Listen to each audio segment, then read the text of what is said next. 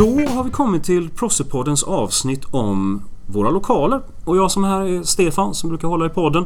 Och den här gången har jag han då som även då har slutansvaret för lokalerna på sätt och vis. Och det är Jimmy Rosengren, vår rektor. Ja, här är jag.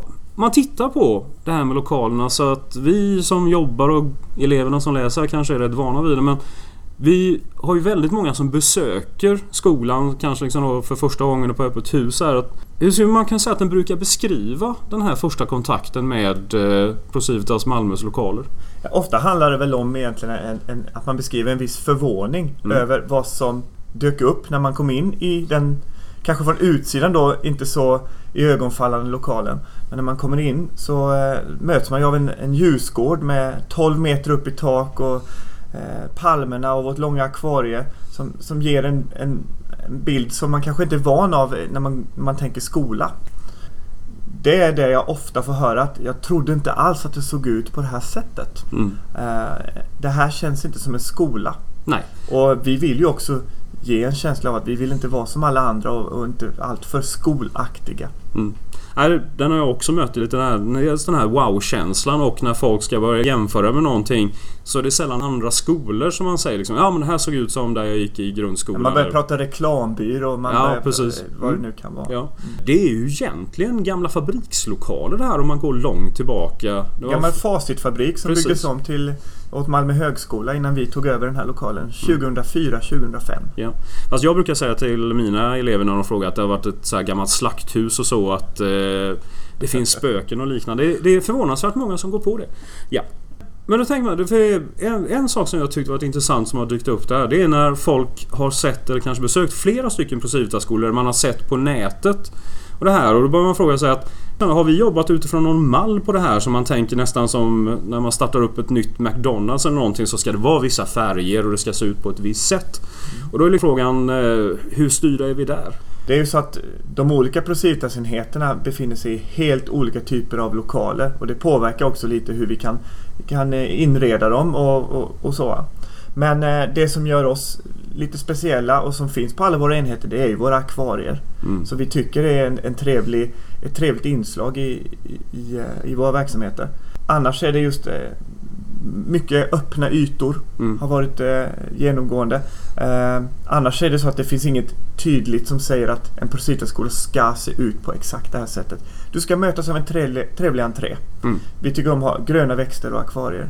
Det, det är viktigt för oss. Mm. Jag tycker, det märks ju speciellt när man ser på sådana saker som att om man tar Procivitas Lund till exempel Vår numera närmsta granne så de etablerar sig ju då i ett så här riktigt gammalt kulturhus eh, med, med tillåt Lunds universitet annan. Och där märker man ju liksom att de har ett annat upplägg i inredning och utformning och allting annat.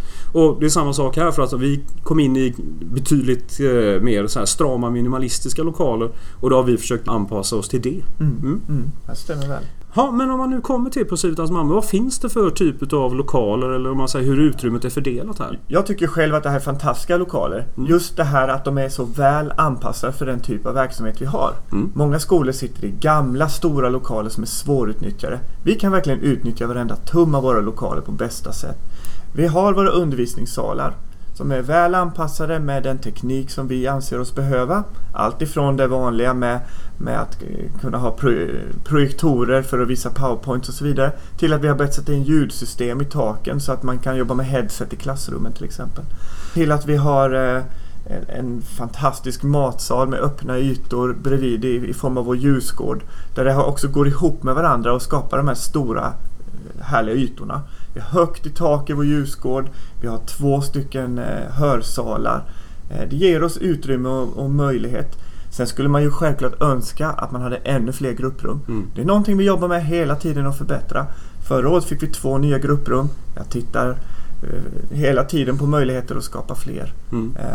Men där kämpar vi ju också lite med det här att vi har en, vi har en belastning på grupprum därför att det här är en sån miljö där många elever, jag vet när man går hem sent på kvällarna. Elever sitter kvar och jobbar här. Det är inte så man lämnar skolan. Nej, så att, eh, det får man ju ändå säga liksom att det är ett bra betyg till lokalerna så sätt att elever vill sitta i grupprum och jobba. Och det ju, har vi insett genom åren att därför är det något som vi bör prioritera ännu mer. Ja, precis. Mm. Men lokaler är ju inte bara det som kanske då interiör och exteriör. Insidan och utsidan. Ja. Och eh, tittar man eh, nu 2017 runt omkring eh, skolan så känns det ju som man skulle kunna spela in Terminator 4 här i ruinerna. Ja, det är lite under construction kan man säga runt omkring oss. Jag, jag brukar säga att man håller på att se till att vår omgivning anpassas till den nivån vi håller innanför mm. väggarna. Eh, vi byggs in i en fantastisk del av Malmö eh, som kommer vara eftertraktad på alla möjliga sätt. Vi mm. finns nära stationen, vi finns nära Malmös stadskärna. Vi har eh, väldigt goda transportmöjligheter fram och tillbaka och runt omkring. Vi har eh, ny, vi kommer få nybyggnationer runt omkring oss. Mm. Och eh, det är en bra bit kommet. Och ja. Snart har vi en liten strandpromenad eh, precis utanför oss och, och sen vatten. Mm. Eh, så det är en fantastisk utsikt och eh, kommer bli en väldigt trevlig omgivning. Ja, nej, när man ser de här datorgenererade ritningarna och planerna över området hur det kommer se ut när ett Kommer, kommer verkligheten i närheten utav hälften utav det så är de wow-känsla ja, vi är på väg dit. Mm. Eh. Men det är som är, just nu är, väntar vi. Ja. Just nu väntar vi. Och det är så det är. Nu ska jag säga så här att vi mm. har inte påverkats jättemycket av bygget runt omkring oss. Mm. Eh, vi har bytt sida på, vi har bytt entré. Mm. Eh, vilket alla elever har upplevt som ett lyft. Man har busshållplatsen precis utanför dörren.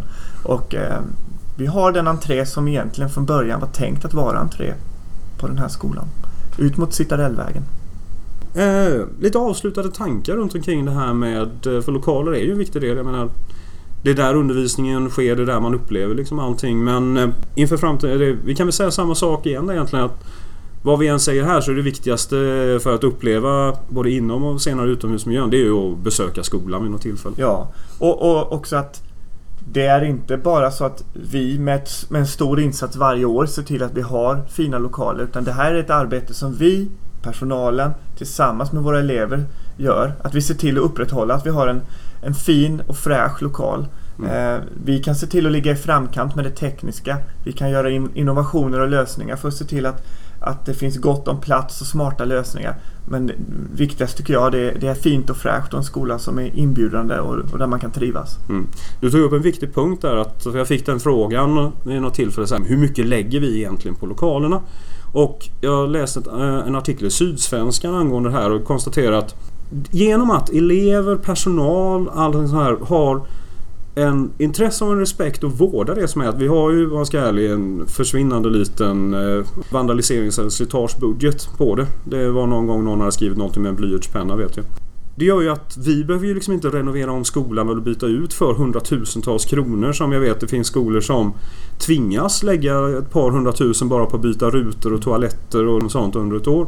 Vilket gör att istället så kan vi lägga det på det som vi vill att ska uppnå med en bra skolmiljö. Exakt, lägga pengarna på rätt saker. Ja, precis. Men vi kan väl avsluta med att alla som vill se ifall det vi säger här stämmer kan helt enkelt eh, komma hit och besöka oss. Ni är hjärtligt välkomna. Vi har skuggningsveckor i november och i eh, april. Då tackar Prossepodden för sig.